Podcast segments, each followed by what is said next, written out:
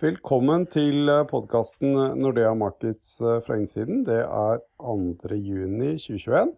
Jeg heter Lars Mauland, og med meg har, jeg Kjetil Olsen. Og Kjetil, etter en, en, periode med kanskje litt sånn uh, rolig på makrotallsfronten, så har vi fått noen uh, små overraskelser på arbeidsledighetsdataene i det siste? Ja, eller overraskelser og overraskelser, men vi har sett at det har begynt å bevege seg, ja. Eh, det har begynt å falle. Eh, og etter å ha ligget ganske stabilt noen måneder nå. Og det har jo sammenheng med at vi nå begynner sakte, men sikkert å åpne opp landet igjen. Vi hadde første trinn i gjenåpningsplanen 16.4, og siden da så har egentlig ledigheten falt ja, vi vil uttrykke det som falt som en stein, egentlig. Og vi fikk eh, ledighetstall for mai i forrige uke. Det var ned en halv prosentpoeng fra, fra april. Um, og ledigheten fortsatte å falle denne uken her. Um, og vi tror at dette bare kommer til å fortsette, i takt med at uh, mer og mer av økonomien åpnes opp. Så det begynner virkelig å lysne. Hvor er det, hvor er det ledigheten minker mest uh, nå? Nei, altså den har eh, Ser vi på regioner, da, så, så på en måte har ledigheten kommet ned mot ganske så normale nivåer. Egentlig de fleste steder i landet, bortsett fra i østlandsområdet. Altså Viken og Oslo-regionen. Det er der på en måte det, ledigheten fortsatt er eh, vesentlig høyere enn den eh, var. Um, og der hvor det har vært strengest tiltak òg, det henger godt sammen med det? Ja, og det er der vi har åpnet opp seinest. Så det var jo først i forrige uke at, uh, at vi fikk lov til å gå ut og hygge oss i Oslos gater. Og det kommer vi til å se konsekvenser av fremover på ledighetstallene. Her, her kommer ledighetstallene for Oslo og for så vidt Viken-området også til å, til å ja, nærmest stupe, tror vi, da, de, de nærmeste ukene. Uh, og, og om noen uker igjen så kommer vi til å gå enda lenger på gjenåpningsplanen, mest sannsynlig. Og da åpnes enda mer opp, og ting blir enda mer normalt, og da kommer enda flere tilbake i jobb. Så, så det er Nei, vi er, vi er, ganske trygge på at normaliseringen, den har begynt uh, kraftig. Og, og det, det, er viktig da for renteutviklingen, fordi Norges Bank har jo vært veldig tydelig på at de skal se klare tegn til at forholdene i økonomien normaliseres. Uh, men når de gjør det, så vil de begynne å øke renta. og vi, vi er vel av den oppfatningen vi vi begynner klart å se de tegnene nå. Mm. Så, men det blir ikke noe renteheving nå i juni allerede? Mm, det blir det ikke, men vi begynner å bli ganske trygge på at Norges Bank også ser utviklingen i arbeidsledigheten, og derfor kommer til å, når de har nå eh, sin neste, sitt neste rentemøte nå 17.6, med nye prognoser og sånn, så kommer de til å, til å være mer tydelige, tror vi, da, på at eh, første renteøkning den er ikke veldig lenge til, og, og vil nok eh, prøve å få oss til å, å, se at første renteøkning mest sannsynlig kommer, kommer, allerede i september, som vi egentlig har mm. sagt lenge. da. Mm. Og forrige beskjed var vel at uh, det var sånn 50-50 mellom uh, en heve, førsteheving i september og desember. Ja, ja. Uh, Men nå tydeligere trykk på, på september i, i, prognosen som kommer. Ja, vi tror det. Ledigheten er allerede lavere enn det Norges Bank anslo, og, og med de, med de utsiktene vi har, i hvert fall for, for uh, utviklingen i særlig østlandsområdet nå, når vi har nå begynt å åpne opp der, så, så, er vi ganske trygge på at ledigheten kommer til å fortsette videre ned og være lavere enn Norges Bank anslo. Og det, det, i seg selv vil være nok, tror vi, da, til å få dem til å gå i september. Ja. Mm. Mm. Så har vi jo ja, vi har jo et rentemøte til live-møte etter september, i, i desember. Mm. Kan vi få enda en renteheving der? Ja, vi har jo sagt at vi tror det blir to renteøkninger i år.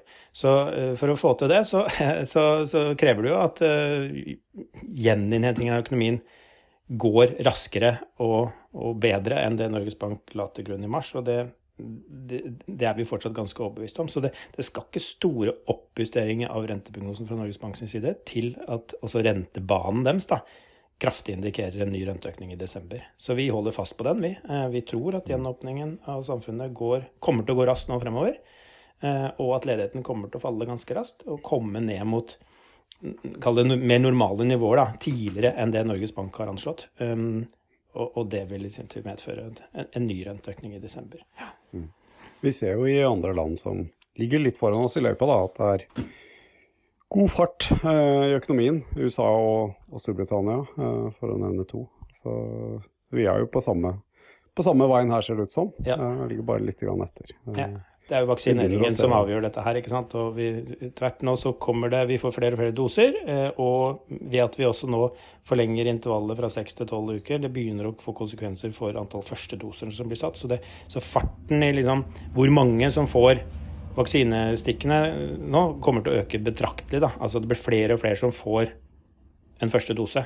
Um, og det går veldig, veldig raskt. Så, så fortsatt er det vel sånn at når vi kommer ut av juli, så, så, vil alle over 18 år mest sannsynlig ha fått tilbud om, om et første stikk. Og da det er mye, mye klart, altså, for å, for å, kunne normalisere økonomien. Mm. Mm.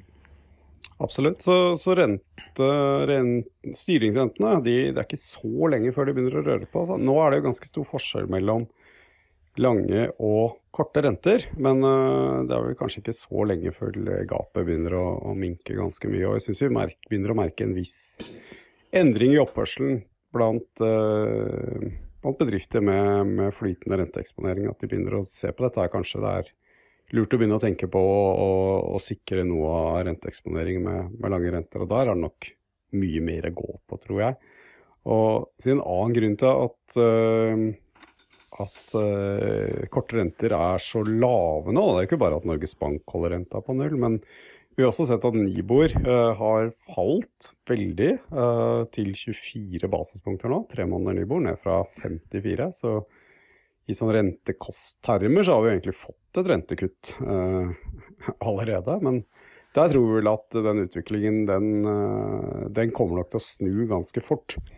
og det er forhold rundt banklikviditeten i, i, det kommersielle banksystemet i Norge som gjør at vi har fått så lav Nibor som vi har nå, i tillegg til at det er veldig lave pengemarkedsrenter i, i, USA. Men, um, og det kommer det sikkert til å være en, en stund til, men de forholdene rundt, uh, rundt banklikviditeten her hjemme, de, de, snur nå i løpet av sommeren. og vi tror jo at Nibor-påslaget kommer til å være rundt 40 basispunkter når vi kommer til september igjen.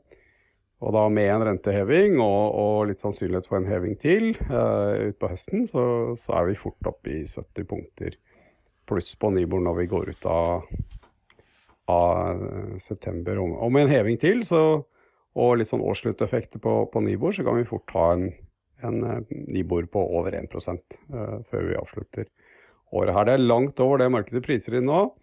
Langt over det vi har nå, og det tror vi helt klart vil gjøre noe med med hvordan mange tenker rundt renteutviklingen fremover. Eh, så, så det blir en, vi går en spennende høst i møte. Og, og Kjetil, det, disse lave Nibor-tallene har kanskje hatt litt påvirkning også på kronekursen, stemmer ikke det? Ja, det er derfor det, Vi sitter jo og ser på at uh, oljeprisen har jo holdt seg høy og gått opp og er over 70 dollar fatet. Uh, likevel har krona vært liksom litt sånn overraskende, kall det svak, da, den siste tiden. Vi, vi, noterer vel akkurat nå er det sånn 10-14 eller noe mot euro. og Skulle vi sett på oljeprisen alene, så burde vi vært godt under 10, egentlig. Og en hypotese vi har, er jo nettopp det du sier, at Nibor, altså løpende pengemarkedsrente i Norge, har kommet mye ned. Ikke fordi man forventer at Norges Bank skal kutte renta eller noe sånt. Snarere tvert imot. Det er liksom denne, denne premien da, som har falt. Og det gjør det jo mindre attraktivt, alt annet likt. Eh, får mindre avkastning på kroner i det korte bildet. Um, og det tror vi kan ha påvirket krona litt. Da. Men, det, men det er som du sier, det, dette kommer jo til å snu. Det er vi det er jo helt overbevist om. Altså Likviditetssituasjonen snur jo, og den blir strammere utover høsten. Det vil dra pengemarkedspremien opp. Og i tillegg så så er vi ganske sikre på at Norges Bank øker renta i september, og, og, og, vi tror også på desember. Så da den motvinden vi har hatt fra, fra rentesida, den kommer til å bli en kraftig medvind. Og med fortsatt høye oljepriser, så er vi fortsatt uh, vi, vi, er ganske trygge på at eh, krona kommer til å gå sterkere utover, ut av sommeren og utover høsten. Så holde, holde på vårt eh, liksom, target på hva vi har, 9,75 ved utgangen av året i år. Mm. Mm. Høyere høyere pengemarkedsrenter i Norge gir jo høyere løpende avkastning for uh, investorer som velger å, å, holde kroner. Så det pleier i hvert fall å ha, en, uh, å ha en effekt. Og som sagt, vi har jo sånn fra løpende avkastningsperspektiv egentlig hatt tilsvarende et rentekutt nå. Så det er ikke unormalt at det påvirker kronekursen litt. Men som sagt, dette, det her blir reversert nå i løpet av sommeren og utover høsten. Så det blir det blir spennende å følge med, uh, og det blir spennende å se hva Norges Bank kommer med om to ukers tid. Eh, det skal vi nok oppdatere dere på eh, litt nøyere før den tid, men inntil da så tror jeg vi sier eh, Takk for oss. Jeg heter Lars Mauland, og med meg har jeg hatt Kjetil Olsen.